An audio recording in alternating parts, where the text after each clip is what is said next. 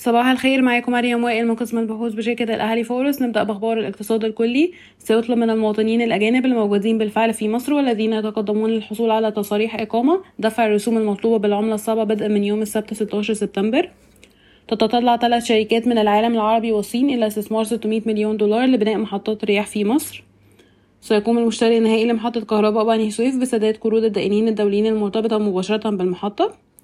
قالت وكالة فيتش أن الضغط على الجنيه قد ينخفض إذا نجحت الحكومة في بيع أصول لمستثمرين خارجيين وبالتالي تحفيز تدفقات رأس المال الأجنبي إلى مصر. وتوقعت فيتش أن تعتمد الحكومة على بيع الأصول لتمويل تراكم الواردات بقيمة 5.5 مليار دولار.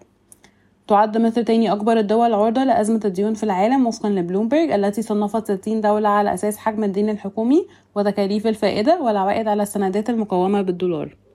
ننتقل لأخبار القطاعات والشركات. وفقا لتقرير صادر عن وكالة فيتش من المرجح أن يزداد وضع صافي الأصول الأجنبية في مصر سوءا قبل أن يتحسن فتؤدي التدفقات الأجنبية إلى الخارج وتراكم الواردات وسعر الصرف المدار إلى تكثيف ضغوط سيولة العملات الأجنبية في القطاع المصرفي. كشفت مصادر أن هناك اهتماما من جهات خليجية بشراء حصة في البنك المصري لتنمية الصادرات. أعلن رئيس مجلس إدارة الشركة المصرية للتكرير التابعة لشركة القلعة أن شركته تخطط لزيادة الطاقة الإنتاجية للديزل على المدى المتوسط بحسب ما نقلته الصحف المحلية.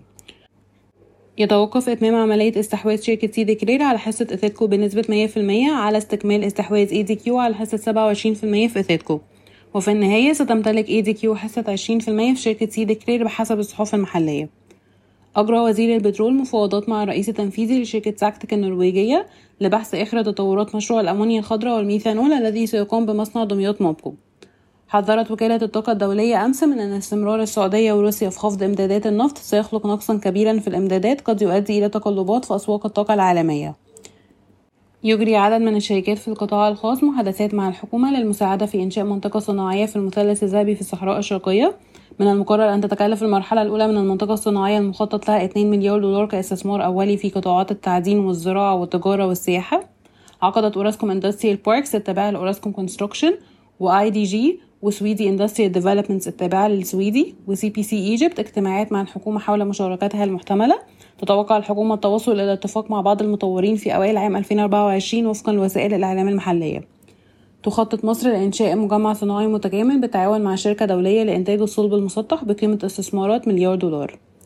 بنفكركم إن الموعد القادم لمحكمة شركة المصرية للمنتجعات السياحية لدعوى المرحلة الثالثة لأرض سهل حشيش بمساحة 20 مليون متر مربع. هتكون يوم 17 سبتمبر إن لم يتم تأجيلها مرة أخرى. شكرا ويوم سعيد.